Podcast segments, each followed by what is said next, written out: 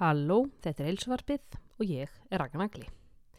Heilsuvarpið er sem fyrr í búði ná á Íslandi og ég vil mæla sérstaklega með kastorolju eða laxerolja upp á okkar ílhýra en ég nota hana í hárið á mér. Einu sinni viku þar sé ég nuttinni í hársverðin og svona út í hár endana, sef síðan með það og þvæ úr daginn eftir með sjampói.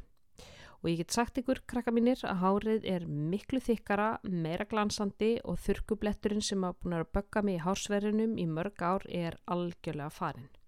En laxerolja hefur einmitt verið notuð í hár í mörg hundru ár og það eru til frásagnir af kleopötru notana í sitt hár. Nú eða var nógu gott fyrir hana, þá er það líka nógu gott fyrir okkur sótsvartan pöpulinn. Eh, heilsuvarpið er einni í bóði netto en þar finniði laxeroljun eða kastorolja eins og hún heitir frá ná í heilsuganginum. Í netto finniði einni hinnar stórkostlegu anglamark vörur sem eru svansvottaðar, umhverfisvænar og lífrænar. Ég kefti andlitskremið á heilsudögunum, það er hræbilegt en húðin mín algjörlega elskar það. Það var einmitt í fjölmjölum um daginn húðlæknir sem sagði að ódýr krem væru alveg jafn áhrifarík og dýrari krem. Ég mæli með að hlaða niður samkaupa appinu og þá færðu alls konar afslætti í formi innegnar. Gest, gestur heilsuvarpsins er Valdimar Þór Svavarsson, ráðgjafi hjá fyrsta skrefinu. Hann er með mastersgráðu í stjórnun og stefnumótun og bachelorgráðu í félagsráðgjöf frá Háskóli Íslands. Hann er einnig með áfalla og uppeldisfræði Píu Melody á bakinu en við tölum einmitt mikið í þættinum um meðvirkni og samskipti og margt, margt fleira sálfræði og félagsráðgjafa tengt. Mér hefur lengi langað að fá uh, Valdimar sem við maður landa og hann fór fram úr öllum væntingum mínum með þekkingu, fræðslu og ekki síst hlýja nærveru. Takið fram glósubækunar gott fólk því þessi þáttur er stúð fullur af. Gjörðu svo vel.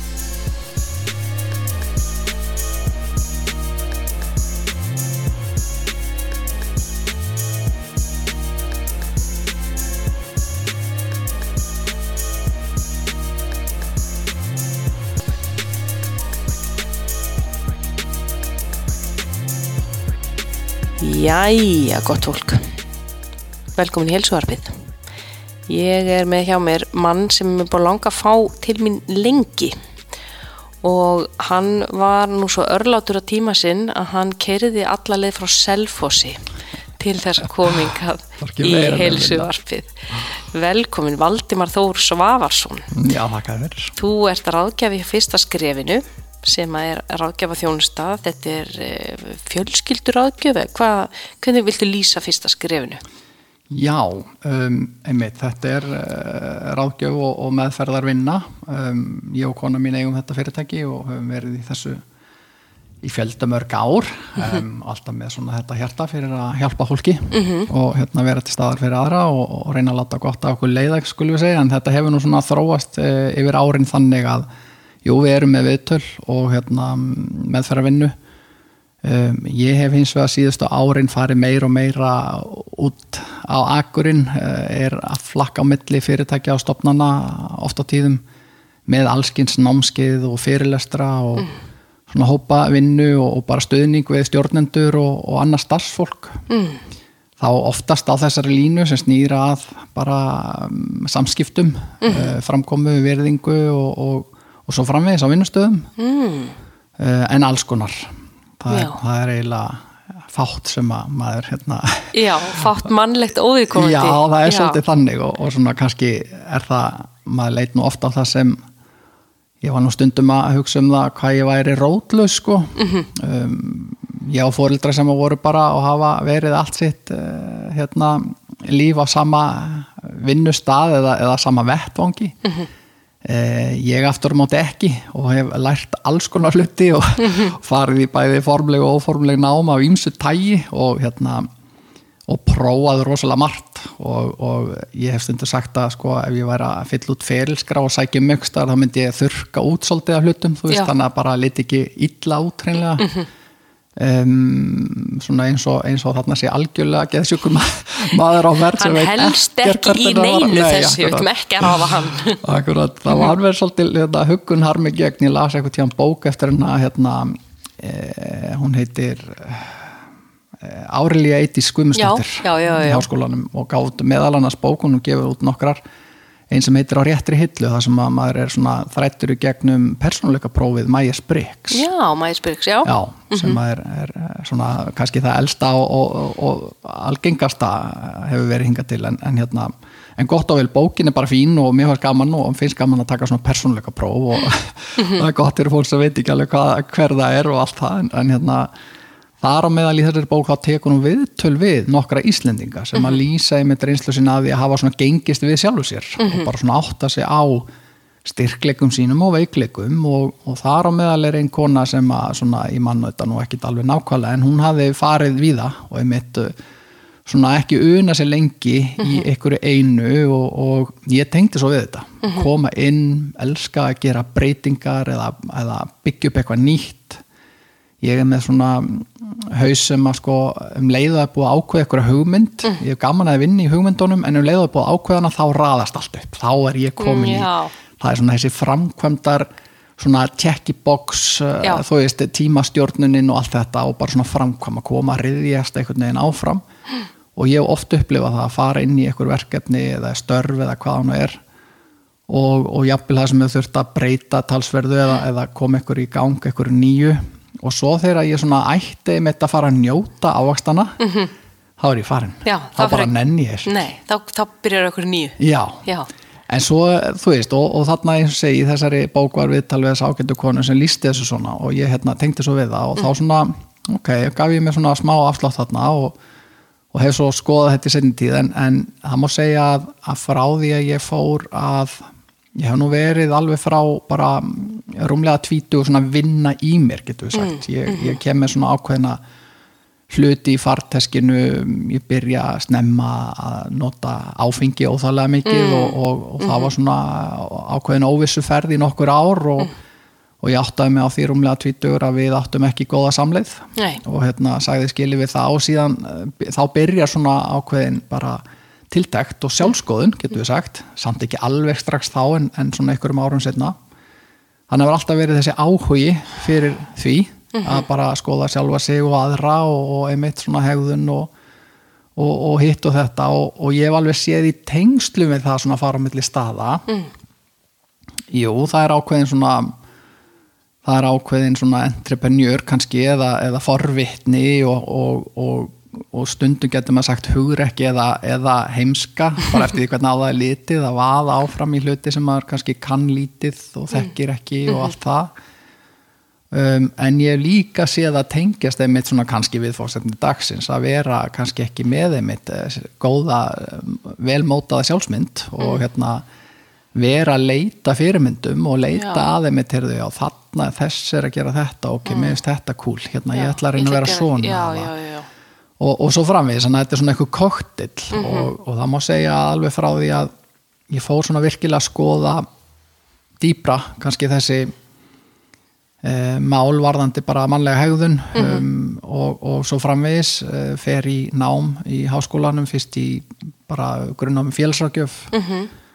Um, síðan læri ég ímislegt og þar á meðal fer ég í sér nám sem heitir meðvirkni og áfallafræði Píu Melody Mm, Pía Melody. Pía Melody og það breytir lífi mínu talsvert Já. það verður að opinberast í gegnum það rosalega margt það eru mörg púsl sem að vantaði í myndina hjá mér sem að ég fann þar Svona persónlega þá eða? já, persónulega og algjörlega og? hérna, já, bara meðal annars þetta sem ég var að tala um aðan að ég hefði, hafði í rauninni alltaf sko falið mig bak við ákveðna svona varnarhætti um, leikið ákveðin hlutverk.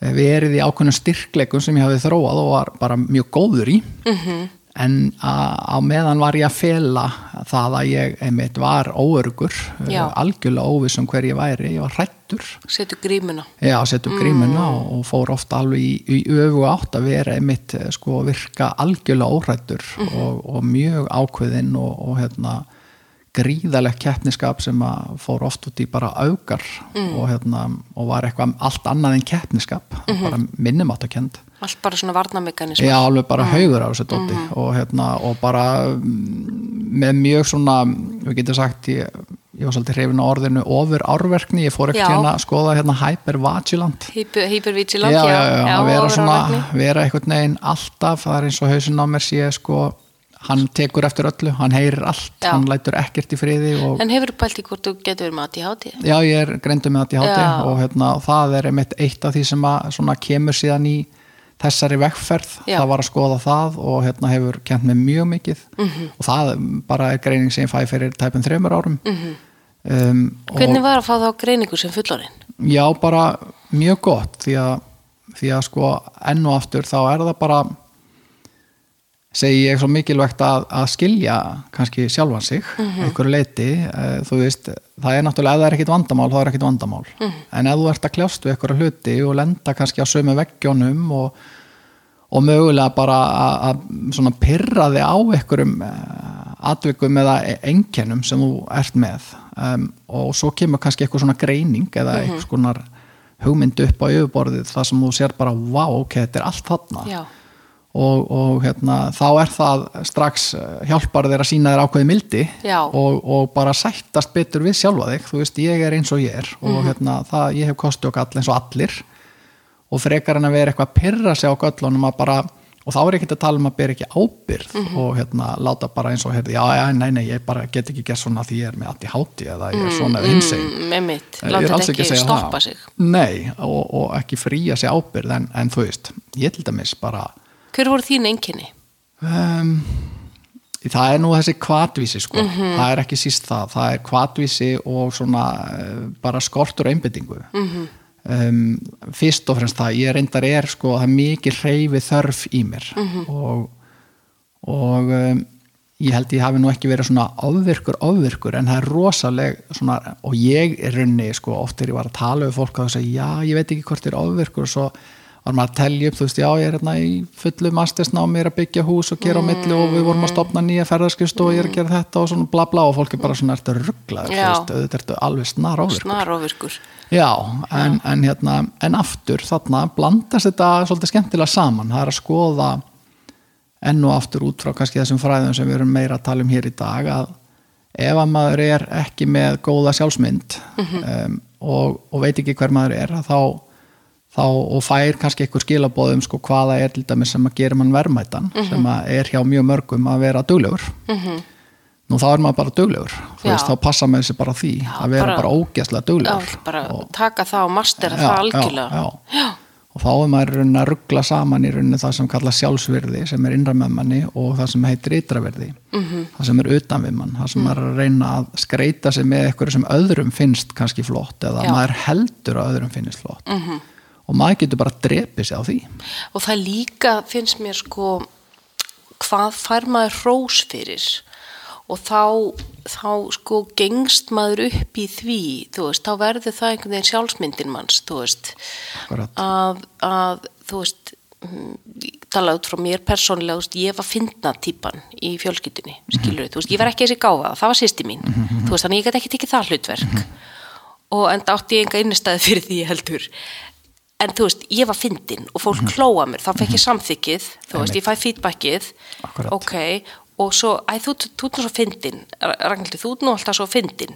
Já, ok, þá, þá bara fer ég og fer bara all inn í það hlutverk að vera þessi fyndna og fæ, einmitt, þetta ytra einhver, einhver annar er búin að ákveða sjálfsmyndina mína. Emmitt, emmitt mm -hmm. Hárrétt, þetta er mjög góðu punktur og, og ég tengi einmitt og tengdi og hef tengt mjög mikið við þetta hvaða hérna, viðurkenningu einmitt og oft er hún einmitt ímynduð. Maður heldur einmitt að eh, eins og stundum er sagt að þú veist ekki hver þú ert þá heldur að þú sést sá sem þú heldur að hinir haldi að þú sést. Akkúrat. og þú reynir að endurspegla það. Já, þú Það er að segja, reynir- ég hitti þig og ég held að þú haldir eitthvað um mig og ég ætla að reyna bara að þú veist, byrta þér það. Já, einmitt, veist, en, en fegst þú þá hrós fyrir að vera duglegur Sko, nei um, sko, þetta er náttúrulega aðeins fín lína. Um, auðvitað alltaf þegar maður fer að skoða alla þessa hluti að þá er, þá er oft uh, sko, og meðverknin er, er eitthvað sem að kemur mörgum á óvart uh, hvar hún verður til og hvenar og allt það.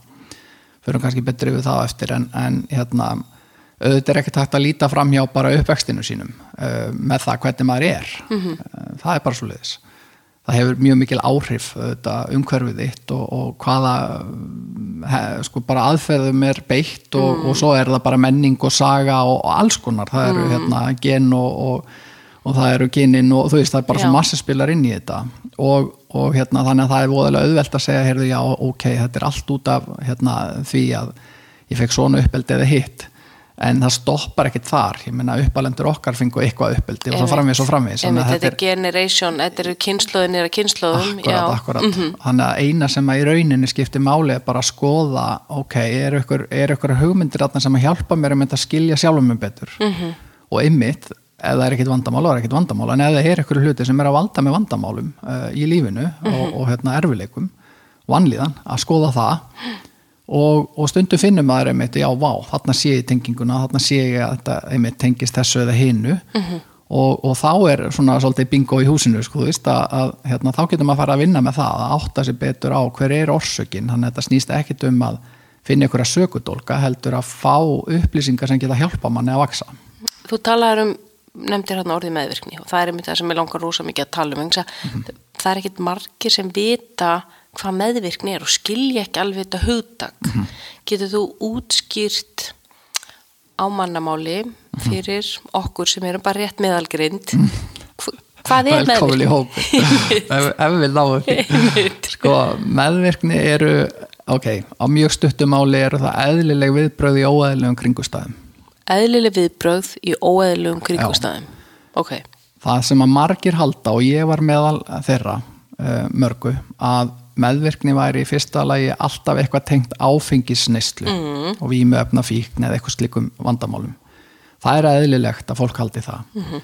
vegna þess að maður skoða söguna þá verða til samtök, tólsporasamtök aðamanna á sínum tíma. Og ef maður skoða þau fræði og þær bækur og svona það, bara það sem var rítað um það til að byrja með, þá voru þetta bara menn. Það voru bara kallar um, síðan 16 ára setna verða til önnur samtök sem heita Alanon samtökin sem eru bara konur og bara kona stopnanda aðstandagna stopnar Alanon samtökin og, og þær leit ekki viðar en svo að þeir nota bara fyrstu tvo stafina í sko Alcoholics Anonymous og búa til Al-Anon. Já, þannig að hérna og þannig byrjar þessi svona eh, um fjöllum kannski er að segja markvist um hegðunar einkenni sem byrtast í kringum uh, alkohólista. Mm. Veika einstaklinga sem er eh, sá sjúkdómur er einfallega þannig að sá sem er með alkohólisma hann, hann missir hægt og rólega eða mjög hratt stjórn á sínu eigin lífi. En á sama tíma og hann er að missa stjórn eða hann eða hún á sínu lífi þá er hann að í rauninni fá meir og meiri stjórn yfir lífi þeirra sem er í kringum sig með neikvæðum hætti. Mm. þar segja að því að, að því að nánustu aðstandendur þeir get ekki annað en brugðist við. Það er ekki hægt annað þannig að sko og þarna þó að það hef ekkert í þá daga verið að tala um sko meðvirkni eh, það orð kemur bara það, það er bara er sko. codependency.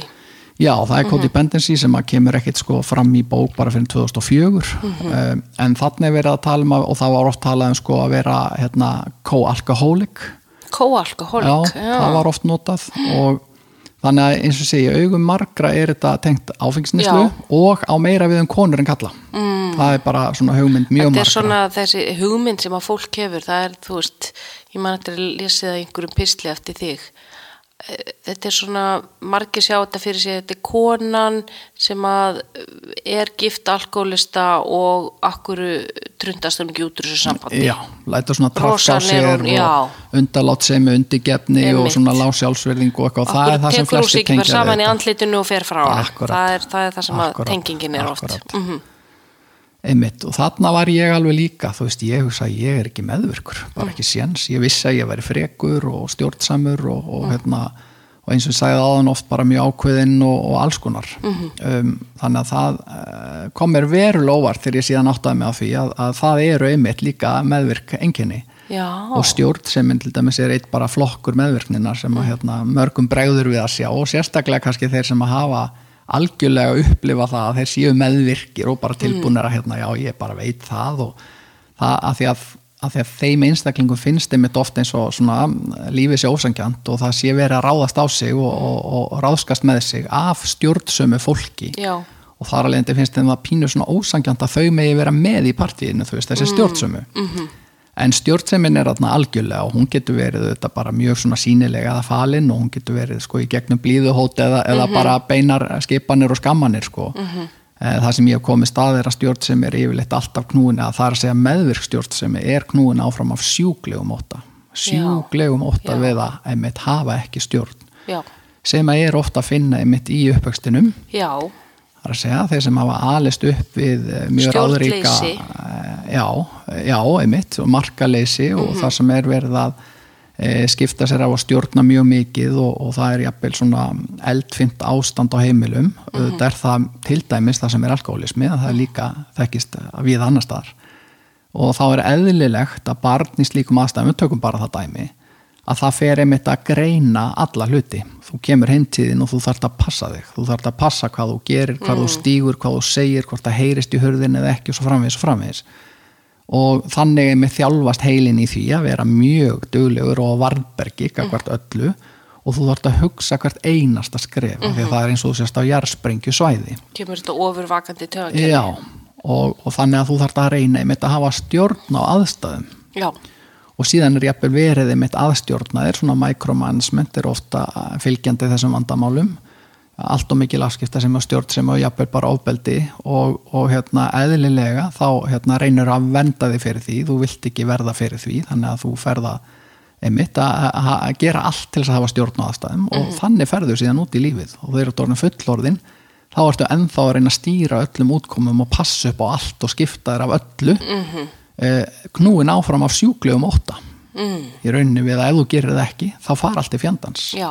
þannig að þetta er alveg hræðileg í rauninni svipa sem að þú ert í rauninni að, að svona sem fylgið þér og, og, og heldur síðan áfram og veldur síðan alls konar skada setna meir Já. Auðvitað í öllum nánum samböndum og samskiptum og, og, og bara gagva sjálfu þér að vera alltaf bara hérna, með klendarherðar og, og samanbeitna tennur og þú veist og það er alls konar líkamlegu vandamál sem að síðan kom út frá þessu.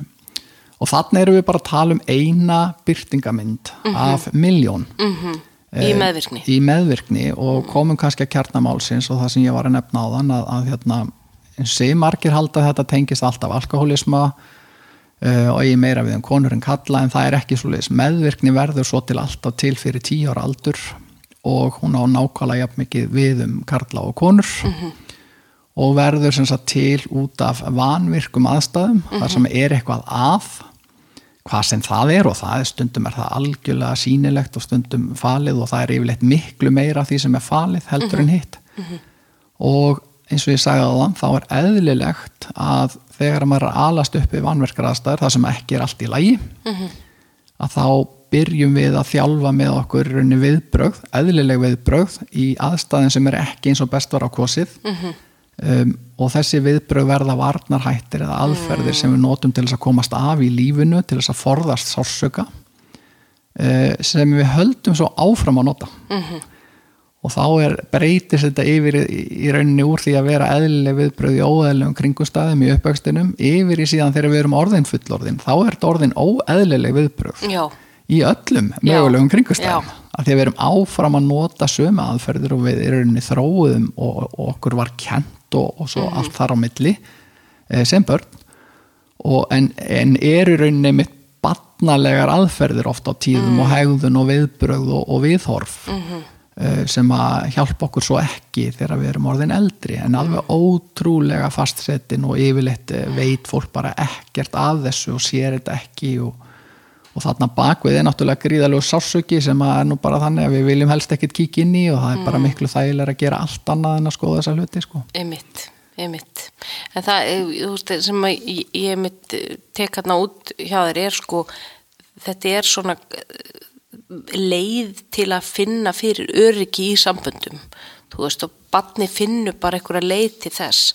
Og, og, og svona kannski kemur þetta inn á sko fight, flight, freeze or fawn, þú veist, þessi fjögur viðbröð tögakerfisins hvað er að gerast, hvað er, þú veist, í hvernig skapi er mamma, þú veist, og það er eins og segið, þau fara að verða svona ofurvakandi fyrir umhverfunu, verða svona stemmingsskannarar. Einmitt, einmitt. Hvað er að gerast núna? Akkúrat. Er hún glöð, er eið, er hún að drekka, þú veist, hvað á ég að gera? Á ég að bara vera inn í herbyggi, þú veist, á ég bara að frjósa, þú veist, eða á ég að flýja, á ég fara bara út að leika mér, eða á ég fara fram og leika trúðinn og, og, og, þú veist, baka pönnuköku fyrir hann svo verið glöð, skilu, hvað þarf ég að gera núna Akkúrat. til þess að ég upplifi öryggi í þessum óeðlilegu aðstæðum. einmitt og talandum að vita svo ekki hver maður er eða fólk sem kemur úr svona aðstæðum eðlilega er einmitt búið að vera flakka á milli hlutverka. Hver á ég að vera núna? -hmm. alltaf byggt á viðbröðum við umhverfunu þannig að þú færð ekki rými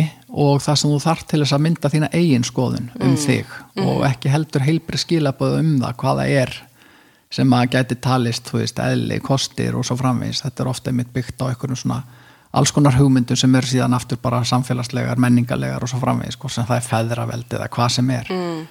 þannig að, og, og að því hún nefndir hérna fight, flight og freeze og fawn þá, þá er einmitt mjög mikil áhersla á fight og flight. En, en sko raunveruleiki barna sem eru alast upp oft við svona aðstæður er að þau eru að verða fyrir ofbeldi. -hmm.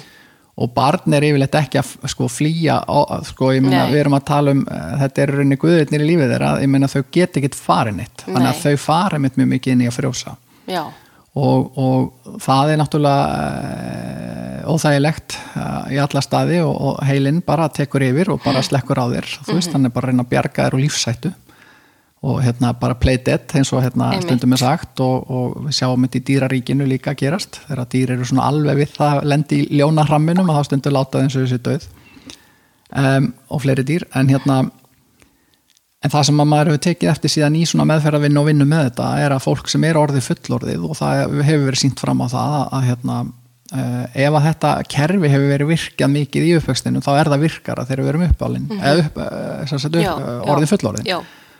og, og þetta byrtist þannig hjá fullorðnum fólki að það er í einhverjum aðstæðum það sem að ykkur kemur einmitt illa fram er með frekju háaða, einhvers konar ógnandi tilburði eða það er að segja heilið er að metur það sem slíkt. Um, aðstæður sem eru kannski alls ekkit lífsættulegar en heilin einmitt grýpur inn í að því hann er vanur því og, og fristir fólkið. Og, hérna, og þá upplifir það að það svona er stamandi í þessum aðstæðum, getur ekki veginn sagt orð og að því að það er náttúrulega ekki raukhugsun til staðar, það er bara ákveðin svæði heilanum í, gangi og það er bara verið að berga þér. Og er rauninni slögt á sem flestu.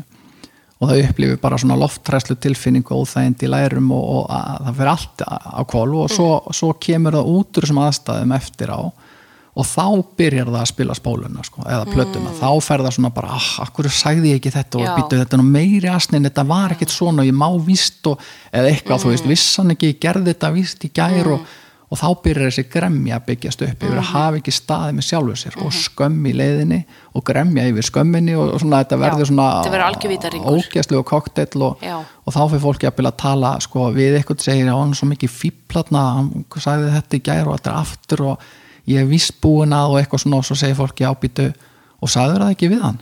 Nei, nei, nei, nei, nei, Nei, nei, hann að við förum að tala um fólk en ekki við það Já. í meðvirkni. Við tölum um fólk og ekki við, það og við erum ágreiningsfælin tökum ekki upp ruggum ekki neinum bátum en einum samt bara í gremjunni og frustrasjónni Mhm. að því að það fylgir eitthvað ákveðið sko, samviskupið og, og erfileikar við að konfronta og það hefur ekki verið kultúr þar sem þú ólst upp það mátti aldrei konfronta neitt Nei og sérstaklega ekki í meðvirkum fjölskyldum af því að þá snýst svo mikið um að því að í meðvirkninni fylgir alltaf sko þöggun það má ekki tala um hlutina. Nei, og segja þetta eru neinu. Mhm. einmitt og, og það er verið að reyna að því að bakvið hana er alltaf þetta vandamál með sjálfsverðið Mhm. þannig að það er verið að reyna að líta vel út í augum annara Halda er, frontinum. Mhm. já, halda frontinum en svo er allt annað í gangi bakvið hann Einmitt. þetta er svona leikriti og svo er allt í rúst baksvið sko.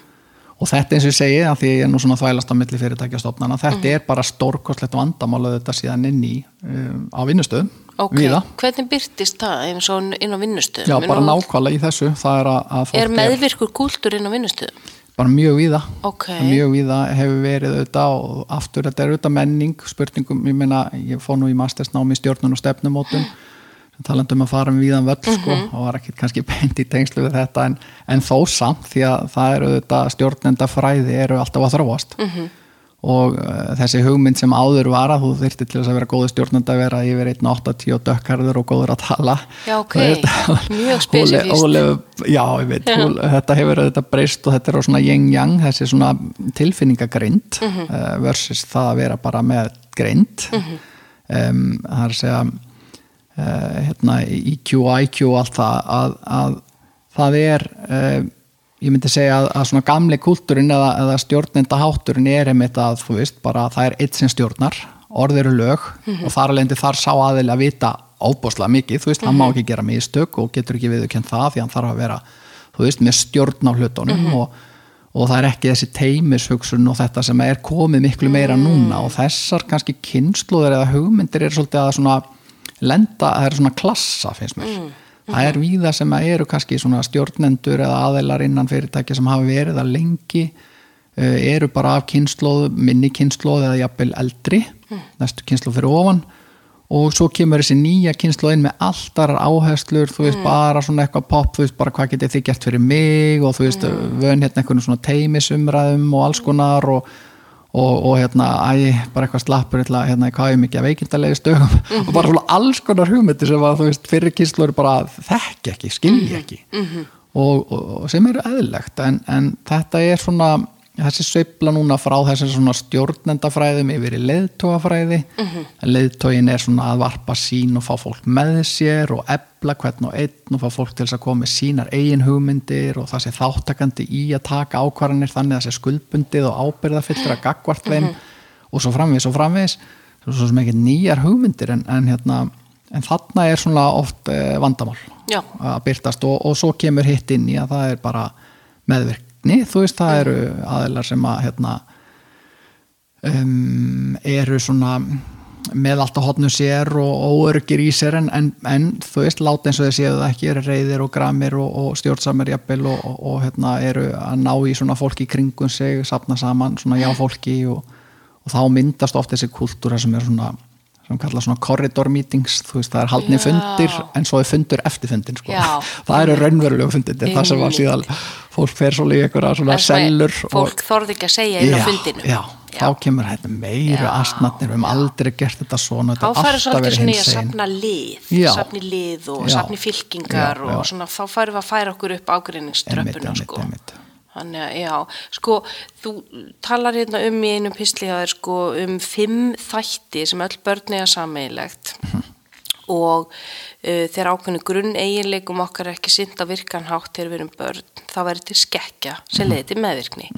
Þú segir hérna, eitt þessara fimm matri eru börn eru verðmætt. Mhm. Getur þú talað um þessa fimm þætti? Já, það er, sko við vorum í raunin að renni gegnum einn áðan, það er að segja að við erum verðmætt og þetta er það sem Pia Melody sko, að því við nefndum hana áðan, hún í rauninni var sjálf, átti bara mjög erfiðan uppvöxt og, og, fer, og fer að drekka einmitt og, og fer síðan á stopnun og fær svona löst sinna mála hvað það var þar og vinnur helling í sér en, en finnst alltaf einmitt að hún sé að rekast á sjálfa sig með alls konar svona hluti. Uh, fær á endanum að gera svona kannanir, getur við sagt, að rannsóknir að tala við fólk inn á stopnun í bandaríkjuna sem heitir The Meadows og um, að tala við þá sérstaklega fólk sem var að koma aftur og aftur, eitthvað, en virtist ekki ná árangri og, og fer að spurja það út í einmitt alls konar svona einkenni sem að hún tengdi við og, og, og sapna saman upplýsingum og kemst að raunum að allir þessir aðilar höfðu sömu sög að segja, það er að segja að það hefði verið ákveðna svona skekkjur einmitt vanvirkni í uppvöxtinum og, og hægt og rólega fer hún að, að svona í gegnum þessi gögn að sjá að það er runni fimm uh, grunn eiginleika sem hún talar um sem við öll eigum sameigilega það er að segja bara nýfætt batna, það er verðmætt það er viðkvæmt, það er háð það er ófullkomið það er fullkomlega, fullkomlega ófullkomið og það er já.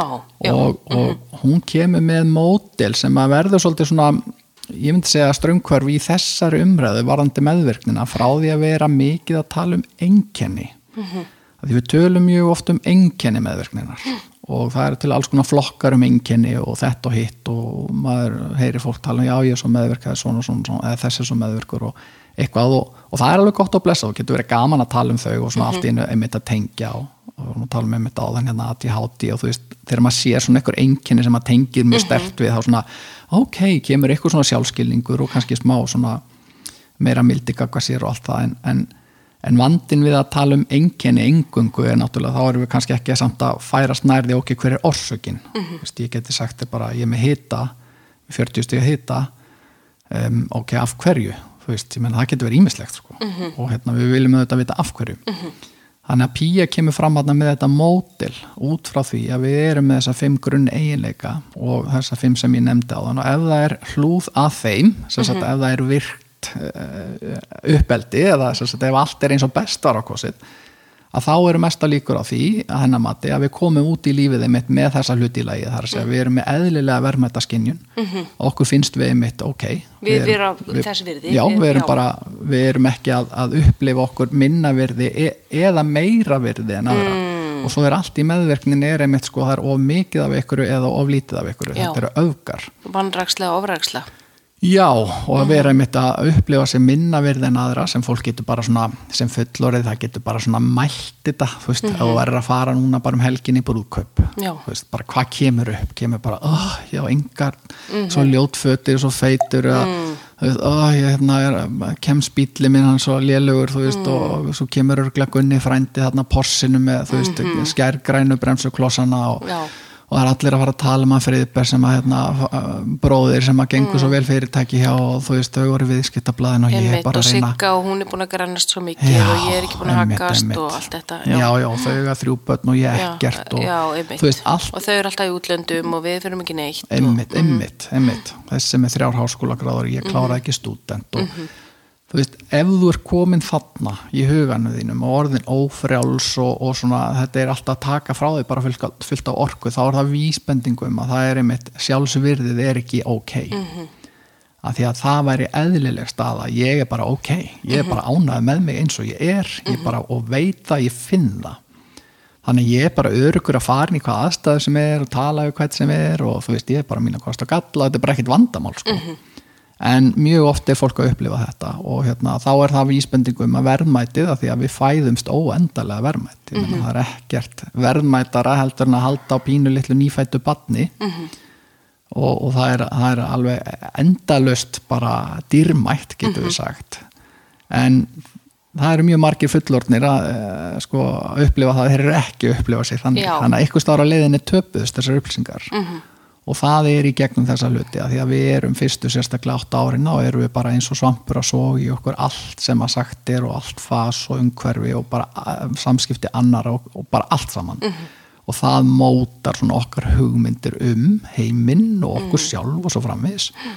Og, og mjög mikið þarna þessi fyrstu ár og, og hérna, þetta þekkiði vel úr sálfræðinni auðvitað. þannig að sko síðan er auðvitað hinn hliðin eins og segi það er, það er þessi, þessar aukar í hinn áttina og það er að þú getur líka komið út í lífið og hafa fengið í gegnum hennan uppvöxt það sem kalla svona false empowerment. Já, það sem þú ert að fá í rauninni sko, þau skilabóð þú ert betur en Já. aðrir að þú þurfir ekki að leggja á þig eins og aðrir og við erum bara betri, við bara með stærsta grillið og flottasta Já. Hjólísu og förum alltaf í flottustu ferðirnar og þetta er svona alveg bara kynnt undir þetta og allir eru fíbl og í Já, rauninni, já, þú veist, þú hérna já, hérna meiri asninni sér dómari þú átti náttúrulega að fá hérna vítaspinnu og þú veist, Mhm. Já.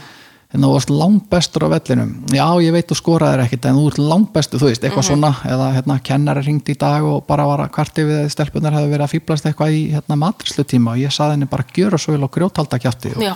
batni mitt sé nú ekki þáttakandi svona og, og við bara ég ætla að fara þarna á morgun og, og tala við skólastjórun og þú veist, þú ert að fá svona einhverja einhverja viðurkenningar sem áttir rauninni ekkert skilið já. og, og þetta verður svona, þetta er stjórnleysi í hináttina, þú veist, Já. þú upplifir stjórnleysi þegar að þú ert verður fyrir ofbeldi og niðurlægingu og þú ert ekki nóg góður og akkur fegst ekki tíu þessu prófi, akkur fegstu bara átta og þú veist, akkur skoraðir ekki leiknum og skilu, það er þessi, það er þetta ofbeldi, síðan kemur ofbeldi í hináttina, einmitt, sko, hvað þessi dómar er bara fíbl og þú áttir bara, þú veist, þú stóðstir rosa Einmitt, vel einmitt. og, og sama þó þú skoraðir ekki. Og ég meina, þú veist, þetta próf var náttúrulega bara allt og verfið, skilja, allt já, skrítið og einmitt. fegst fimm, þú veist, þetta var Akkurat, náttúrulega bara, akkurat. þessi kennar er bara fíbl Já, þannig að, þú veist, það er alveg sama hvað þú gerir, hvort þú leggur mikið á þig, lítið á þig, þú veist, þú fær alltaf rós og þú ert alltaf betri og þú ert alltaf aðeinslugur, það er rauninni svona þessi ofræksla sem er í rauninni vannræksla, því að þú upplifir ákveðu stjórnleysi að, þú veist, ef ég stend mig vel, þá fæ ég rós, en líka ef ég stend mig illa. Einmitt. Og þá veit ég ekki almennilega hver ég er og ég veit ekki almennilega hvar mitt virði liggur. Akkurat. Og það er alveg rétt að það er alltaf bak við þetta af því að það eru ákveðin vannvirkni þarna til staðar. Ef þú þarft að vera að dæma aðra þá er náttúrulega er eitthvað aðeins með þetta krauma undir niður hjá þér um, þannig að þetta er, þetta er svo ótrúlega áhugavert að skoða þetta því að svo eru alls konar mix. Svo getur verið einmitt sko, alltaf húðskammaður og, og, og svona bestur í að vera vestur þú veist, og, og auðvitað inn í þessu vantar alveg einmitt talandi um sko um, að því við erum að tala um vanrækslu það vantar yfirleitt alltaf inn í þetta einmitt sko, þá næringu sem við þurfum mest á að halda sem er bara þessi tilfinningulega næring bara svona, þú veist, að það sé að haldið utanum okkur og, og við finnum bara fyrir þessari nánd og nálægð og, og kærleika og allt það þannig að það er yfirleitt ekkert inn í myndinni sko, en þú getur verið einmitt alltaf húðskamaður en er samt að heyra að það er stanslist verið að dæma aðra. Og, að, og það er mjög áhugavert að skoða þetta og ég hlustaði nú um þetta þáttin ykkar hérna árna um, um narsisisma Narsisisma, og þetta er að mínum að þetta er grunnurinn af því. Já, af því að þetta eru einmitt einstaklingar sem eru með lágt sjálfsverði í grunninn Mhm. alveg sama hvori með þeir síðan lenda. Það vantar upp á einmitt uh, þessa næringu sem þú þarfst að fá þessi skilabóð, þessi heilbriðu skilabóð um virðið þitt það er ekki til staðar eh, þannig að þó að þú einmitt fáir þessar eh, hérna, upplýsingar um þú sést betri en aðrir að við erum betri en aðrir Mhm. sem er einmitt, eh, það er nú ofta að tengja sama kannski narsisíska uppalendur og narsisisma Mhm, þannig að uh, og þá kemur einmitt út í lífið með þessa brotnu sjálfsmynd en þú felur hana algjörlega og kíkir aldrei á það og við kennir það aldrei. Þú þarf bara að vinna, sigra og einhvern veginn tróðast yfir hina og, og fá einmitt alveg út með óseðjandi þörf fyrir aðtikli og viðurkenningu. Já, og bara, þú veist, það má aldrei neinn skuggi, neinu Nei. skugga vera varpað á það og höndlar enga með neinar sko, Nei, gaggrinni en nokkuð slíkt Nei. bregst við alveg eins og sko eins og inni króa ljón og, og slær frá þér og, og, hérna, og nýðir skóin af öllum sem að þess þarf boga sér að segja já, eitthvað já, um já, þig já. Og, og þannig að þetta verður alveg ótrúlega svona uh, trillt ástand sko. Og, og ég að mínu mati er þetta bara narsisismin alveg þarna, þarna verður hann til með þessum hætti. Einmitt, það, þetta tengist einhvern veginn allt. Og, ég auðvitað mm, þú veist, þetta býra, lengi býra fyrstu gerð sko, Einmitt, þú veist, einmitt, það einmitt. er það sem að mótar okkur. En Algjörlega. þetta, þetta háð Mhm. þú veist, þegar þú segir sko börn eru háð. Já, þú segir háð öðrum í uppvöxtinum og því þarf að sinna á réttan hátt. Einmitt. Getur þú útskýrt það aðeins Já, við erum náttúrulega sko við er þetta dependent? Já, sko, Já. Hvað, hvað er ennska orðið já, einmitt. Eh, það er nú alveg spurning. Um, ég man nú bara hreinlega ekki ég er búin að nota íslenskunum svo lengi hvað Já, þetta varðar en, en, en við erum háð uppalendum okkar. Ég meina það er, maður horfður nú stundum á einmitt talandi dýralífsmyndir sko, þú veist, það er stundum bara fólöld fæðast og þau bara standa strax upp og beint á spennan og farin að hlaupa eftir hálftíma eða eitthvað við manneskjurnar erum ekki þannig. Þú veist, lítil börn eru bara mjög háð uppalendu sín og hérna þurfa á auðvitað allir þeirri næringu sem þau geta fengið frá þeim. Hún sé góð, bæði líkamleg og, og tilfinningaleg.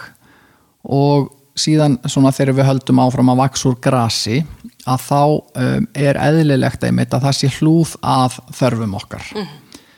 Um, og þarfir og langan er þessi ykkur hlutur.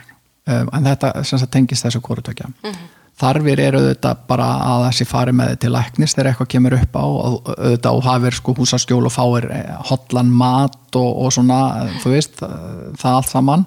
Og það sé verið að hlúa að bara vitsmunalegum þörfum þínum eh, með eðlugum hætti og, og, og, allt það. En, en síðan er líka að hægt og rólega ferðu líka að fá eh, sko þið fyrir að langa eitthvað og, og þú er kannski orðin 6 ára eða 7-8 ára og þið langar í fótbolta eða fimmleika eða eitthvað svo leis og þá er spurning hvað skilabóð færðu, er það allt vesen? Þetta er vesen, þú veist, þú stækkar alltaf hérna, það er að kaupa því nýja skó, þetta er vesen dýrt, það er ekki hægt að kaupa á því þú veist, og kostar svo mikið gjöldin og allt þetta. Og ég veit auðvitað fyrir margar þetta bara eðlilega mjög viðkvæmt að því að svo bara er ofta ekki til peningurinn og, og hérna þannig að það- er mjög sko, það er í rauninni ákveði ábyrðaleysi að tala um þetta svona hér, núna í, á svona stuttum tíma. Mm. nema bara að segja þú veist endilega þeir að tengja við eitthvað því sem við erum að tala um að bara fáðu aðst, sko bókaðu hjá ykkur um fagaðila að að eitthvað sem grýpur þig að því að það, þetta getur kveikt á svo mikið af tilfinningum.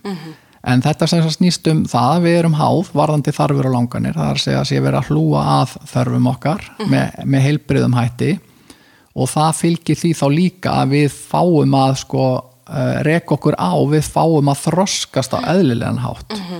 Uh, og sama með langanir að við, við lærum að hei það er ekki hægt að vera í þú veist öllu, þú veist þú getur ekki verið bara í söng og fótbolta og þessu og listansi og bla bla bla, þú veist, ég menna það er eitthvað mörg og þú færð hægt og rólega að læra það að þú, þú hérna, það þarf alveg að hafa fyrir hlutunum og, og þú veist, það, það, hérna, það þarf að vasku upp, þú veist, og það, er að gera ákveðna hluti og ef að aftur, ef að það hlúða þessu á eðlilegan hátt, þá kemur fólk út í lífið og það sko, ef það er eitthvað að þú veist, það er bara, já, ég með hérna verki aukslinu, ok, ég bóka tíma hjá kýrópraktor þú veist. Eh, ef það er ekki gert að þá er hættan svo að, að þú einmitt verður svona needless wantless kallast á ennsku svona þarfa og langana laus. Já, já, já, já. um, það er ein, ein, ein byrtingamyndin, það er öfgar í aðra áttina. Um, og þá einhvern veginn einmitt, þú ferð ekki, þú hittir einhvern hérna, eh, segjum bara einhver haldrandi og segir bara hvað, hérna, ertu ennþá haldrandi? Já, þetta er sama og hérna ég var að segja þér í fyrra Já. Já býttu, hvað hva segja læknar? Já, ég, þetta lítur að jafna sig, ég bara, þú veist En eh, er, er það kannski partur af meðvirkninni? Ég vil ekki vera ónáðalæknin, þetta er ekki nógu alvarlegt. Já, sko, algjörlega það má vera og, og, en aðalega hvort þessu atriði þá er það bara það að þú hefur lært að þarfir þínar í rauninni skipt ekki máli. Þú bara, þú átt bara að harka af þér og, og bara, þú veist, þú ert ekki að fara að nota peningi að sinna þínum þörfum. -hmm. og stundum rugglast þetta sama, sumir alast upp á heimilið það sem er einmitt sko engin til staðar, mm mikil fjárvera og, annað, en, en uppalendur kannski svona að reyna að, að samt sína sko eitthvað vandum þykju með því að láta eftir öllu löngunum kaupa, kaupa, kaupa Já, já, já. og það er allt mögulegt þar sko En það er engin sko, það er engin tilfinningaleg sko, Nei, ekki Þetta er bara materialísk hérna, já. einmitt. En svo er líka annað sko, það, það eru svona þessi foreldri sem eru sko, svona þessi þyrluforeldri, þessi sem að Mhm. ég talaði um í, í Danmörku eru svona hérna curlingforeldri, þú veist, þau skúra bara gólfið fyrir badnið og svo bara slætar það í gegnum lífið Já. bara á nokkura fyrirstöðu og þetta er, þú veist, við erum að tala um einmitt, ég mann þetta, það var svona umræða um þetta í Danmörku þar sem að sko þá voru tvítu krakkar að fara á sko róaskeldu og foreldrarnir voru sko að keira með sko nestispakka já, og rétta þeim það í gegnum sko grindverki já, þú veist, og þetta er svo galið og. Elsku börnin þurftu náttúrulega bara að fá okkur næringagóða fæðu og þá bara förum við í það Mhm, skilur en svoleiðis foreldri sem að sko eru svona þessi curling foreldri sem að ok, þau panta fyrir þig tíma í klippingu, þau panta fyrir þig hjá lækninum, vantaði vinnu heyrðu, ég, ég ringi Einmitt. hérna í hann Sigga frænda og ég skal, Akkurat. þú veist ég, ég skal tala við þennan, ég tala við þennan þannig að barnið þarf aldrei að gera þetta sjálft Einmitt. svo er mitt faraði upp í lífið og það verður oft bara skortur og hyrðu þú veist, þau panta sér ekki tíma á tannlækni eða lækni eða eitthvað, eins og svo vön bara einhver annar gerir það fyrir þau, einmitt. og þá ertu orðin ofháður. Það er nófáður Já. Þa- þetta er nefnilega munurinn eins og ég sagði á þann, allt í þessu eru öfgar. Það er Mhm. of mikið eða of lítið. Og annarkvort ertu óháður, einmitt uh, lærir í gegnum alls konar svona skilaboð að það sko, það sinnir engum mér, þannig ég verð að gera allt sjálfur. Það er einn Mhm. ein möguleikin og verður svona se- self-reliant þú veist, þú bara gerir allt sjálfur. Og bara, þú ert að fara að byggja hús og þú, þú veist, hérna Þú bara ringir ekki að- neitt, nei, þú bara þarft að googla því gegnum þetta að og finna- já, já, bara allt saman. Og, hérna, og, það getur, og þetta verður oft svolítið svona rugglingslegt að þetta er oft mestu styrkleikar fólks en á sama tíma mestu veikleikar. Af því að þú getur verið einmitt rosalega duglegur í að bjarga sjálfu þér og, og, og græja allt og gera svo ferðu kannski að vinna eitthvað það sem að bara skiptir miklu máli og delegerir eða hjálpir öðrum að, að fá ábyrði hendur. Og þetta dæmi sem þú nefndir á þannig mann alltaf eftir hérna, einu svona dæmi þetta tekur maður þetta svona aðeins óljóst en, en það kom einu svona mjög fín frú til mín og alveg svona í loðkápunni og, og svona sest í sófan og, og dæsir mikið og ég segi hæja hvað, hvað ertu komin hingað í dag? Og hún segi já það er út á honum. Hérna, ég nota bara hérna, friðbert, Já. það er ágætt að nota það er fáir sem heita það þetta er út á honum friðberti mínum. Og ég segi nú hvað með hann? Já, ég veit bara ekki hvað ég á að gera, segir hún alveg sko í öngu sínum. Og hún væri búin að vera svoleiðis að reyna einmitt að fá hann til að gera eitthvað, hann gerði ekki neitt og, og hérna, tæki ekki til einmitt inni hjá sér. Og hún var nú búin að setja sko körfur, bara mm. mertar, þú veist, litað, dögt, ljóst fyrir þvott, hann myndi allavega að setja þar sko, svo tók hún það og þreif og braut saman og gekk frá því sko en hún var allavega að reyna að fá hann í þetta. Og það voru alls konar svona og, og, og hann var að detta út úr námi sko, hann bara var ekki að mæta þannig að enni mitt hún hérna þekkti nú rektorinn og gæti tala við hann, þátti bara fund og það var bara samþygt að ef hún lofaði að keira hann alltaf þá, að því að hann var ekki með bílpróf og eitthvað svona held þetta áfram og ég segi, hvað hva er hann gamall? Já, hann er 29 ára þannig að sko Wow. þetta er einmitt eins og þú nefndir á þann öfgarnar í þessa átt. Þetta er svona þetta lærða hjálparleysi Já. og það er vannræksla í sjálfu sér af því að þessi einstaklingur einmitt, hann þróar með sér þessa upplifun að hann er einmitt bara algjör lúser. Já, ég meina hann veit að innstinni hann getur ekki neitt. Hann sér jafnaldra sína að stopna heimili og, og eignast hús eða hvað hann hann er ennþá hjá hjá Hann mömmu og mamma er að kera hann í skólan svona luxushótel mamma og bara fer fram á nærbjörnsonum þú veist og fær sér kókapöss og setur ekki mm. vélina og, og var bara í Playstation til 5 og Einmitt. þú veist og þetta er líka alveg bullandi mannræksla og bak við þetta sér maður oft að sko þessir einstaklingar sem eru einmitt að ala upp með svona vannvirkum hætti eru sjálfur einmitt að upplifa það að þeir fá ekki aðtikli, eru stundum í mjög ófullnægjandi eða óhamingjusum samböndum eða hjónaböndum eða jafnvel fráskildir.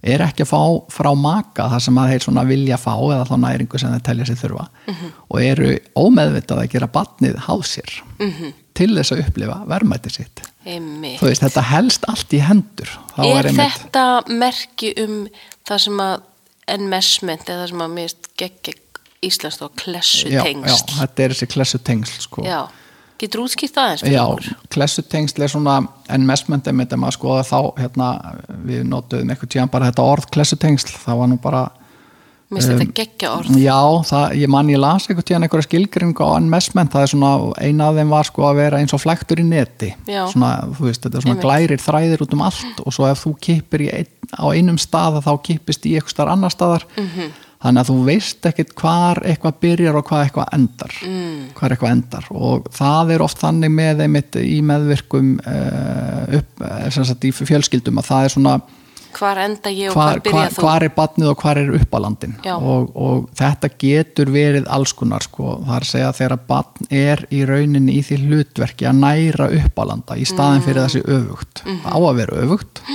Uppalendur eiga að vera stað, sko, til staðar fyrir börnin sín. Mhm. Og ennsku er þetta að tala um sko major caregivers, þetta er ekkit bara papp og mamma endilega, það eru margir sem komað uppvexti barns. Og, og aftur, bara svo ég segi það aftur þetta er, snýst ekki um að leita sökudólkum. Nei. við erum bara að skoða byrtingamindir en þegar það er ákveðin eh, við getum sagt vanþróski uh, sem við erum öll auðvitað, með á einhverjum sviðum einhver leiti, en þegar við erum uppalendur og erum ekki með góðan þroska sem slíkir og, og erum með kannski fullt af einhverjum brestum og vandamálum jafnvel alvarlegum veikindum og svo framvegis sem að koma í vekk fyrir að við getum sint þörfum bars eða, eða, og því sem að mestumáli skiptir að þá snúast þessi hlutverk mjög gert við, þá er barnið í rauninni orðið til staðar fyrir uppalanda. Og, og það er svona getur alveg verið yfir í þetta sem við nefndum áðan eða alltaf bara ofbeldi. Ég meina barn sem verður fyrir ofbeldi ítrekka það, það getur ekkit endalust verið eitthvað að gráta yfir því, þú veist það verður bara að herða sig upp og bara fara að taka við þessu verður svona eins og mannleg ruslakista fyrir tilfinningar eh, einstakling sem er í tilfinningarlegu ójafvægi og er þá að taka á sí í rauninni um, orku, tilfinningar sem aðri rætt að bera ábyrð á. Það getur verið ein byrtingamyndin þá er þetta barn orðið til staðar fyrir uppálanda á þann Þetta er svona parentification eins og svona stundum talaðum þar sem að þú gerir badnið eða hálfpartin af uppalanda eða þú veist að foreldri með þér. Ymmit, og það fær ábyrð sem að ekkert badnætti að standa undir Algjörlega. sem er einmitt að vera allt í einhver tilfinningarleg þú veist, ruslakista fyrir já, já þú veist, og einmitt ef það er er einhver orðið vandamál hálfpartin sálfræðingur Já, já. foreldri síns og maður er auðvitað heyrt alveg hræðilegar sko sögur, þú veist, ég meina svo er bara saga hvers og eins er saga hvers og eins og hérna ég meina börn sem hafa alist uppi þannig aðstæðar þau eru kannski að einmitt pínu lítil er að venda samt enn yngri sískinni þú veist í einhverjum ömulegum aðstæðum eða koma fram úr hérna morgunin eftir einhver rifrildi eða slagsmál eða hvaðan og er og er að svona reyna að taka til jafnvel eða gera eitthvað til að létta álæginu eða taka sískinni sín út úr aðst að fara með þau út alveg óumbeðin.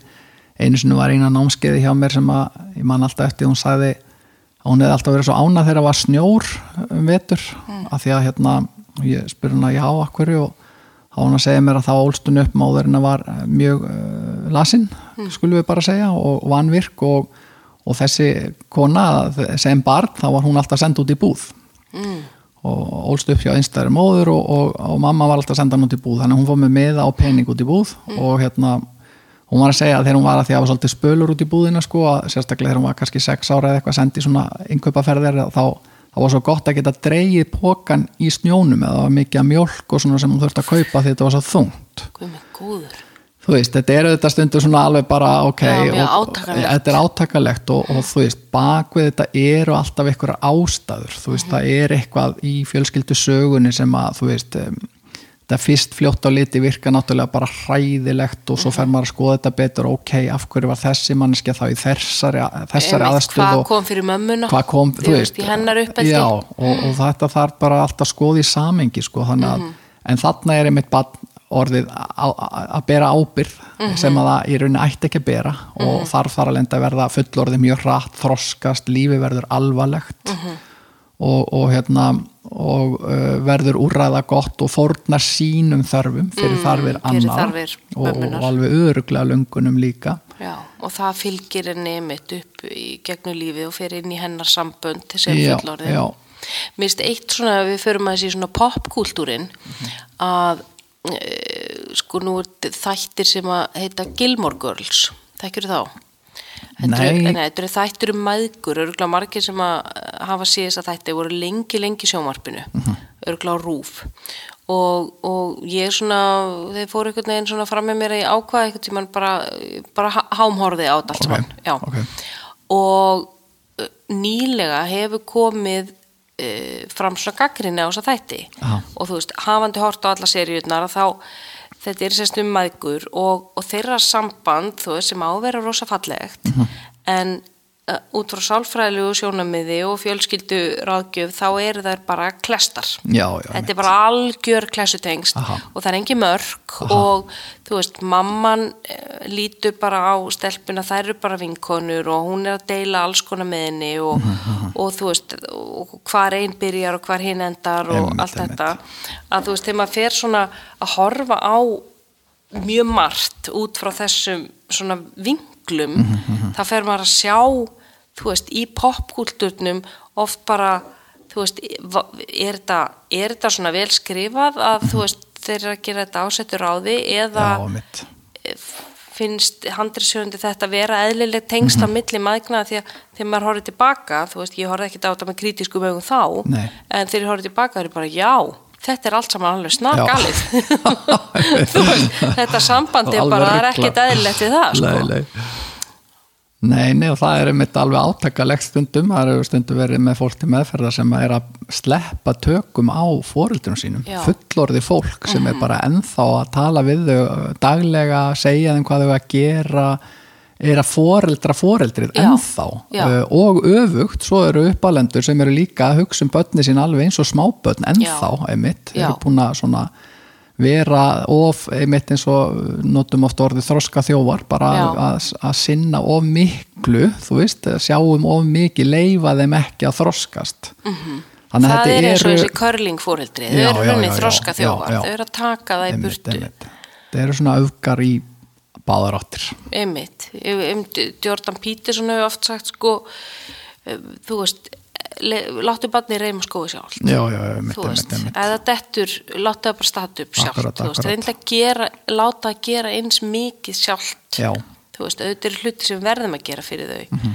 en því meira því sjálfstæðar ein, einstaklingur kemur út. Já, og þarna aftur erum við líka sjá bara rosalega sko, klössun á menningu. -hmm. Af því að það sem voru kannski öfgar hérna áður fyrr um, þú veist, uppeldis aðferði sem í dag fólk væri hreinlega fangelsa fyrir. Já, yfir í að í dag eru mýmörg vandamál að koma upp það sem börnin eru farin að stjórna öllu. Já, og þú veist, algjört Algjört þar markaleysi. Og, og þeim líður þar alveg en dýtla því að þau eru að, þá að bera ábyrð á þannhátt sem þau ráða ekkert við. Mhm. Þú veist, og þannig að þetta er, þetta er endalist þar eins og við, svona, og í meðverkninni og þessum fræðum með mitt, út frá þessum fimm grunna eiginleikum, að þá erum við alltaf að leita miðunni Já, alveg eins og það að vera ekki að upplifa sig minna verið en aðrir en ekki heldur vera hrókafullur og yfirleitastlegur að upplifa sig meira verið en aðrir. Við viljum vera jafnók mm -hmm. veist, einmitt. og, og svo framvís Hvernig hjálpar þú, þú veist, fáið þið til ykkar skjólstæðinga sem að, þú veist, bara einstaklingsmeðferð.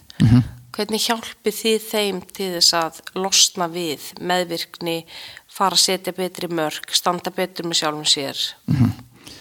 sko við höfum svolítið skipt liði og kona mín Mm. um, við höfum lært það um, og erum auðvitað ekki ástæðalösu mjög áhugaðsum um þetta uh, þessi hugdögg og, og hérna um, höfum bæði uh, skoðað þetta og lært mikið þarna inni um, á mjög ólíkan hátt í rauninni. Við erum ólík og, og það er nú ekki óvanalegt í þessum fræðum líka að, að hérna, fólk svona við finnum hvort annað svolítið út frá ólíkum kannski byrtingamindum oft meðverkninar um, en allavega sko ég er svona meira í hausnum á mér getur sagt, það er þessi greiningar eh, svona eh, andi og, og að kenna og, og finnst gaman að því og að reyna einmitt að koma kannski flokknu fyrir bærum í einföld orð. Um, og það hefur svona þróast bara með árunum að, að ég er meira að fræða kannski, uh, beinlinis um, en þegar við erum með fólk í, í einstaklisvinnu þá er það einmitt oft þannig að fólk kannski horfir jafnvel á sko, nú til dæmis sagt að horfa hjá okkur bara netnámskið bara um meðvirkni og netnámskið um hlutverki fjölskyldum og netnámskið um ástarfíkn og, og svo framvegis þannig að þá getur fólk bara náði bara fullt af upplýsingum á fyrsta tíma. Já. Já. uh, og komið svo í tíma og, og það eins og segi ég er sjálfur alveg að taka á móti fólki um, mest hef ég nú verið samt í hjóna og paravinnu um, en, en líka alveg með einstaklinga en kona mín aftur á móti hún er að meðferða fólk. Hún síðan fer í sko á dýftina og er að nota þar alls konar aðferðir sem að ég ætla nú ekki einu svona reyna að lýsa hér. Uh, mjög áhrifaríkar og, og magnaðar og, og tengjast auðvitað bæði fræðslu en, en ekki síst að, að tengjast sér og, og, og hérna, leifa sér að sjá og finna þær tilfinningar sem eru þarna og hún er að nota alls konar eins og öndun og fleira sem að er bara að virka alveg rosalega vel og, og, og byggir auðvitað á þessum meðferðafræðum sem við lærðum á sínum tíma. Píu Þessari- Melody. Já, það er ákveð meðferð sem við lærðum þar. Vorum hann nokkur aðila sem lærðum þetta á sínum tíma uh, af uh, konu sem heitir Sara Brits og var sem sagt uh, svona, hvað segjum við svona apprentice hjá uh, P. Melody, vann með henni í mörg mörg ár og tók í rauninni svolítið við hennar starfi hún kom hérna til Íslands og, og kendi okkur nokkrum og, og í fleiri neittni ferð og, og svo fóru við reynda tvö til hennar í heimsók líka og til svona þess að skoða þessar rættur Eh, Hvar er það í bandaríkjunum? það er í eh, hérna, það er í skal ég að segja að dottið út um mér um, Phoenix, Arizona Já, ok. Og hérna þeim hlýjast af Já, einmitt vel hlýjast af. Já. er, þetta er feiknastofnun sem er með nokkur húsnæði og, og er að veita meðferð við alls konar uh, hlutum og þar er sko Model P Melody nota sem grunnur að allir Er hún ennþá á lífi eða ekki? Já. Já, einmitt.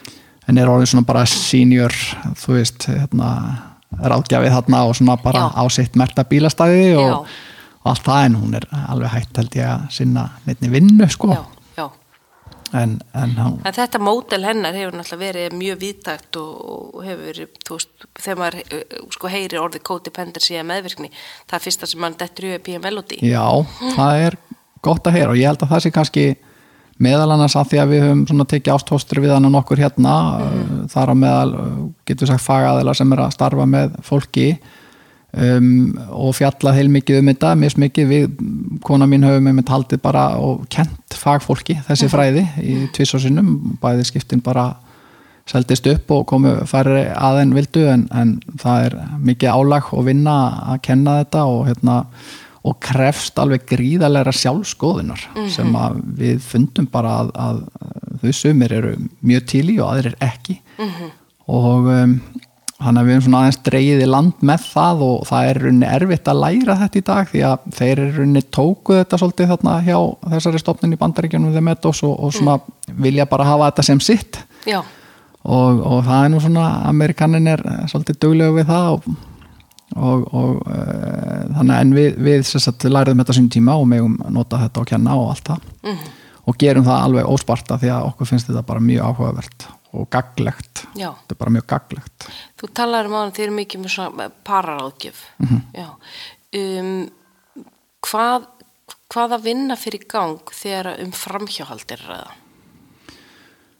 já, sko Já, bara svona létt, létt spurning. einmitt, nei, já, bara bara svona til að vera nótunum. Gaman að skuli lefta þetta því ég var að taka upp einmitt netnámskeið um framjöhöld Ok. bara í vikunni, það er Já. ekki komið sko, ég veit nú ekki hvernig þessi þáttu kemur út en það verður vonandi aðgengilegt innan f- fárra vikna um, að því að einhverju hluta vegna hefur nú komið svolítið af þeim málum upp á borð en það er svo sem ekkert skrítið. Það er, það er um helmingur hérna, hjóna eða, eða sem sagt, hjónabanda enda með skilnaði og þar að vera minnstakosti helmingur sem tengist þessu fyrirbæri sem framhjóðald eru. Og þá erum við bara að tala um hjónabönd og þetta eru mörg önnur samskiptaform eða sambandsform sem að hérna, geta algjörlega verið að upplifa nákvæmlega sömu hlutina og á því hvernig hversu formlega það er víkt um, og þetta er bara mjög algengt viðfónsefni að fólk komi og pör út af því að það hefur orðið trúnaðarof í sambandi. Um, og um, það eru svona oftar uh, kallar en konu sína rannsóknir um, en síðan er þetta auðvitað orðið í dag eh, sennilega enn flóknar en áður það er að segja hvað er telsti framhjáhalds. Mm allir samskiptamiðlarnir og þetta samfélags, eh, samfélagsmiðlar og annað er að opna Ertu alls konar bara- kanala og já. áreiti og aðgengja fólki og alls konar leiðir Mhm. uh, og einmitt er þetta bara tilfinningalegt er þetta bara í samskiptum við einhvern Mhm. eða er þetta klám, er það þú veist, nú er það orðið miklu meira svona live það er önnur upplifum bak við það líka þú veist, er þetta tengjast manneskinu meira heldur en Mhm. bara klám hérna áður fyrr það er alveg endalausar svona vittir í þessu og fólk kemur inn með alls konar spurningar og hugleðingar og það sem er svona klassist í þessu er náttúrulega að ef fólk kemur saman, það er að segja hjón eða pör, að þá er ef það hefur orðið framhjóhald, þá er annar aðilinn yfirleitt komin talsveit lengra heldur en hinn. Það er að segja það er mjög algengt og rannsóknir sína eða kannanir að það er oftar þeir sem eru gerendur í svoleiðismálum sem vilja síðan slíta sambandinu af því að þeir eru bara orðnir hrifnir eitthvað já. það er búið að byggja upp eitthvað svona samband og samskipti sem að hefur oft uh, jafnvel tekið langan tíma og þá komum við aftur að þessu varðandi svona uh, sambönd sem að hafa byggst upp sem er ekki endilega byggð á kynlífi eða ekki til að byrja með allavega. Að það er, mitt, er oft miklu, miklu, miklu lengri aðdragandi. Þannig að fólki finnst það oft enn verra jafnvel heldur en heyrðu að bara datt í það og, og svaf hjá um, þó að bæði séu þetta alveg gríðalegt áfall fyrir þólendur þess eða þá sem að verða fyrir þessum.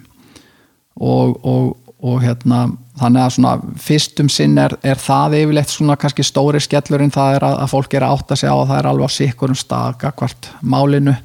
Annar aðilinn kannski komin eitthvað allt annað í huganum og, og farin að leggja drauga eða einhverju og, og tilbúin að taka einhverja ákvarðirna meðan að þeir sem verða fyrir þessu eru bara að upplifa Svik bara og kátík og bara, sorg og er bara hræðilegar tilfinningar já, skömmin alveg rosaleg skömm. Skömm yfir það að vera haldið framhjá mér skömm í varandi alls konar samanbörð skömm yfir því Einhver að, sko, að segja skömm á ég að halda áfram í sambandi með mannis eða konu sem helt framhjá mér það, þú veist hvað finnst öðrum um það?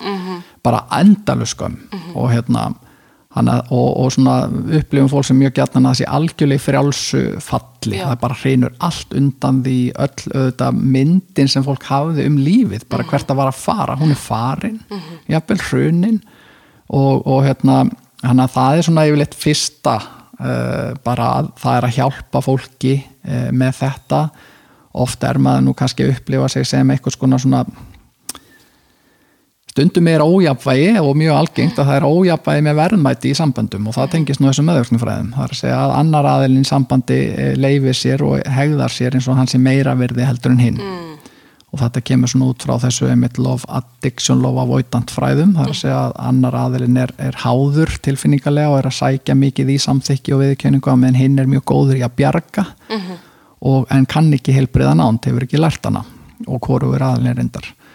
Um, þannig að hérna, það er nú svona oft sem maður upplifir það í svona samtölum að, að maður svona finnur alveg þær ákveði ójafvægi og er þá kannski að styðja við annan aðeilina bara þóra að spurja Mm. spurninga og segja hluti líka bara hvernig honum líður Mhm. honum eða henni, þú veist, bara stundum spyr ég bara svona, þú veist, ertu hrætt við hann eða ertu hrætt við Mhm. hann eða hvernig sem að, þú veist, einhverja svona spurninga sem að bara og endar oft í einhverju störukeppni við mig sko, en, en Mm. þú veist, mér finnst það bara uh, að hluta til uh, mitt hlutverk að vera til staðar fyrir þetta alla sem koma Mhm. og maður tekur ekki afstöðu með einum nýjum einum eða þú veist, uh, leggur sér fram við það en, en það eru þetta fyrir þólendur uh, oft bara gríðarlega mikilvægt að fá svona stuðning, fá speiklun fá kannski líka spurningar einmitt og, og hugmyndir uh, frá einhverjum öðrum heldur en uh, gerandanum. Já. af því að síðan eru þeir sem halda fram hjá þeir vilja þetta halda málinu innan þeirra og hjá sér og reyna að stjórna hvernig þetta fer allt saman. Þannig að þeir eru kannski á sama tíma sko gerendur er að valda eh, sko maka sínum óendalegum sásöka en líka einhvern veginn eiga að vera sko stuðningsaðilin já, þú veist og það verður auðvitað oft mjög svona já súrt það, sko. einmitt, það verður svolítið skrítin hluti, þú ert komin í tvö hluti já, já, það er ekki, þú ert ekki hlutlust þar. Nei, þannig að það er nú svona þetta ég minna að fólk stendur yfirleitt bara frammi fyrir svona stóru spurningum. Á ég að halda áfram í Halda áfram. sambandinu? Á ég að hætta því? Eða eins og ég segi stundum má líka segja bara kannski þú veist, Mhm. þetta er ekki endilega já og nei það er líka hægt að segja kannski og, og þá er þetta alltaf, ef þú segir já ég til já, þú veist, ég vil láta að reyna. Um, eða já, ég til að skoða þetta. Mhm. þú veist, að þá, þá kemur yfirleitt strax, ok, og hvað, á hvaða forsendum? Þú veist, þá þarf að fara svona svara spurningum á hvaða forsendum. Um, mjög oft er í þessu einmitt eitthvað svona, fólki finnst það ekki vera við stjórn í lífi sinni náttúrulega. Það er að býða eftir að einhver annar ákveði eitthvað. Það er það sem að ég myndi segja að sé svona eitt af versta sem fólk upplifir fyrir utan sjálft áfallið og allt sem því fylgir að það er síðan í framhaldin að vera svona að býða já, og mjög oft er þetta með þólendur sem er að býða eftir að gerendur ákveði sig. Hvað þeir já. vilja gera. Viltu, vilt þú halda áfram, Já, vilt þú skilja, að ætlar þú halda að áfram? vera með þessari mannesku einmitt, einmitt. Og, og þarna kemur auðvitað bara mjög erfið staða því að stundum eru gerendur bara einmitt orðnir hrifnir. Já, þeir eru jafnvel bara að fara í gegnum ástarsorg sko gagvart viðhaldin Já. þú veist þetta verður svo rosalega absúrt Já. en þetta er allt tilfinningar og Já. þetta er allt ekkur verkefni sem þarf að vinna með og, og hérna, það eru margar hliðar og maður getur auðvitað orðið alveg sko uppfullur af fordómum og, og, og hérna, dómhörku en það þýðir ekkit í þessu maður verður bara að reyna að skilja sjóna með allra og, og oft fara nú þessar eh, sko, svona vinna fer síðan yfir í það að þetta fer í einstaklingsvinnu já, já, já. Það Og- sem er einstaklingurinn sko, bæði gerandin og þólandin fara að vinna í sér Já, Já. og það er auðvitað best. Og, hérna, og ég segi alltaf að fyrir sko, þólendur þeir eru að reyna að ákveða svona, hvað, hvað, í hvort fótið þeir eru að stíga sko, best er einmitt að bara vinna í sér og, og hérna, gera allt sem þú getur gert til þess að þér líði sem best andlega, líkamlega, sálrænt og, og byggja þig upp og styrkja alveg sama hvernig málinn fara síðan þá er það alltaf besta fjárfyrstingin, besta útkoman. Kemur líka inn í næsta samband sterkari með aðeins meira, meira já, núverandi samband, næsta samband Já. eða vera einn eða einn í eitthvað tíma, þú veist það er alveg sama hvað það er Mhm. þá er það alltaf besta útkoman. Og maður sér oft í svona málum að sko þetta er svona, ég, ég stundu tekna þetta upp sem línuritt að það er sko að gerendur Mhm. sérstaklega ef þeir eru komnir í samband og eru orðnir spendir og hrifnir. Og þá taka nú við bara fullt af bóðöfnum sem Já, að er já, bara já, mjög erfitt að eiga bara allur pakkin Já, mhm. og, og mín reynsla er svo að ef, að ef að fólk er þar þá er ekki takt að gera. Það, það bara er ekki heilt í Nei, þessari það er vinnu. eins og að sé bara ykkur í vímu sko. já, það er það. Og það er, það er er líktir er í víma, vímu já. og, og, hérna, og þar alveg er bara það er svona eins og áll þú veist, þegar að vera að reyna síðan að ná einhverjum svörum eða ákveð eitthvað það bara svona að því að það er svo rosalega tókstrita þetta þannig hérna um, já, ég man nú ekki hvert við vorum að fara með þetta uh, það sem ég ætlaði að segja. Fólk er að, fólk er að vinna svona í sjálfu sér og þú veist að það er komið inn í annað samband og er orðið svona þú sagðir að það, þú veist, það kemur öllu sér allt þetta dopamín og, og Já. Ég var eitthvað að hugsa um í sambandi við þólendur ég, ég bara reynlega Mhm. Nei, ekki þarna núna kemur hvað allt í var. hátíðið, já, sko. já, algjörlega, Já, algjörlega já, það það er er- oft sem ég legg að stað einhvern hérna, veg og svo er ég komin einhvern allt annað einmitt, þetta eru svona þessar kanínuhólur sem já, maður dettur í. jú, ég var að tala um línuritið alveg rétt að sko það sem maður sér oft er að þólendur þeir krassa náttúrulega Mhm. og þú veist, það er bara allt í steik og út af þeim sásöka þá sumir fara þá að vinna eitthvað í sér. -hmm. og að þeir sem gera það um, þeir styrkjast. Hægt og rólega. En þeir styrkjast. Síðan líður eitthvað tími og svo eru þeir komnir svona, ef maður horfður á þetta sem línur þeir eru svona komnir upp, veist. Að þá sér maður ofta að það gerist akkurat auðvitað hjá gerendum Já, að þeir byrja í vímunni mitt og, og hérna eru bara á einhverju bleiku skíi og, og, og öll bóðetnin í gangi og, og hérna svo eftir einhvern x tíma að þá svona it hits them. Já, og þá kannski sjá þeir eftir ykkur Sjá eða eftir átt að sjá öllu saman. afleiðingunum tala nú ekki um þegar það eru börn til dæmis. Mhm. þú veist þessum gríðalegu alveg, afleiðingu sem þetta getur hatt í för með sér. Og, og ha- hafa skal það í huga og hérna að auðvitað geta sambönd endað. Mhm. það er bara algengt um, en, en það er hvernig það er gert er Já. Mhm. auðvitað alltaf spurningin og heiðalegt og réttir auðvitað að, að vera ekki að halda framhjá heldur Mhm. að bara ef maður er ósáttur, ófullnægður uh, hver, hvað sem það er sem er svona algengustu ástæðunar Mhm. sem fólk tekur fram það er svona einhver ófullnægja leiði Mhm, við leiði. vorum bara orðin vinir vaksin frá hvort öðru, þetta er svona klassika setningar sem er yfirleitt eh, vegna þess að við erum bara ekki að fjárfesta í samböndunum Mhm. Og, og hérna þannig að um, uh, já, það er, það er hérna, mjög algengt að maður sér þetta gerast að, að fólk svona um, það væri náttúrulega heiðarlegast að bara, heyrðu, annarkvort þurfum við að fara í mitt að fjárfesta í sambandinu og gera eitthvað, Já. eða þá verðum bara að slíta þessu og ég ætla að fara að leita á hennu mið. já, það Já. væri eðlilegast já, það væri í, í hennu eðlilegast fullkomna heimi, Valtíman, já, þá myndi já, já, ef allt væri eins og best væri á kosi þá væri við svo klár Ég vissi það að það væri, sko, þú væri eðalgestur. Ég er að segja það, ég er búin að hafa augastaðið lengi og svo bara þegar ég sendi þér og þú varst bara til í þetta, sko, ég er að segja það, það getur orðið part 2, 3, sko. Já, já, það er hægt þetta verður bara, þetta verður þáttaröð. ég sko já, takk fyrir það Raka ég, ég, hérna, það, ég, það sést náttúrulega ekki að því við erum ekki í vídeo ég er ráðinörglega bara við svona rós Já, það er um gott. um, en það er gott og ég þakka fyrir rósið Já. og hérna, taka hérna áður fyrir þá átti ég til dæmis erf með það því að maður er með sjálfsverðin ekki í góðu lægi þá, þá ka- kasta maður sér frá sér og, Mhm. En hérna vissulega þá er maður bara lagt helling á sig til þess að fræðast um þessi mál og, og ég hef gaman af þessu ástriðu fyrir þessu. Já, neðu skilar þessu líka vel frá þér á góðu mannamáli og það er auðvitað, þú veist, lusta á þig og, Mhm. en langa þig að plugga það sem að þú ert að fara að gera. Já, sko bara fyrst þú ert að nefna það. Ég er búin að vera að, í starthólunum með að fara að stað með podcast. Mm. -hmm. Einmitt um að, að hafa, þetta er svo víðfent viðfásefni meðverknin. Mhm. hún, hún snertir alla þræði lífsins. Þannig að það er svo margt sem hægt er að ræða þarna. Mhm.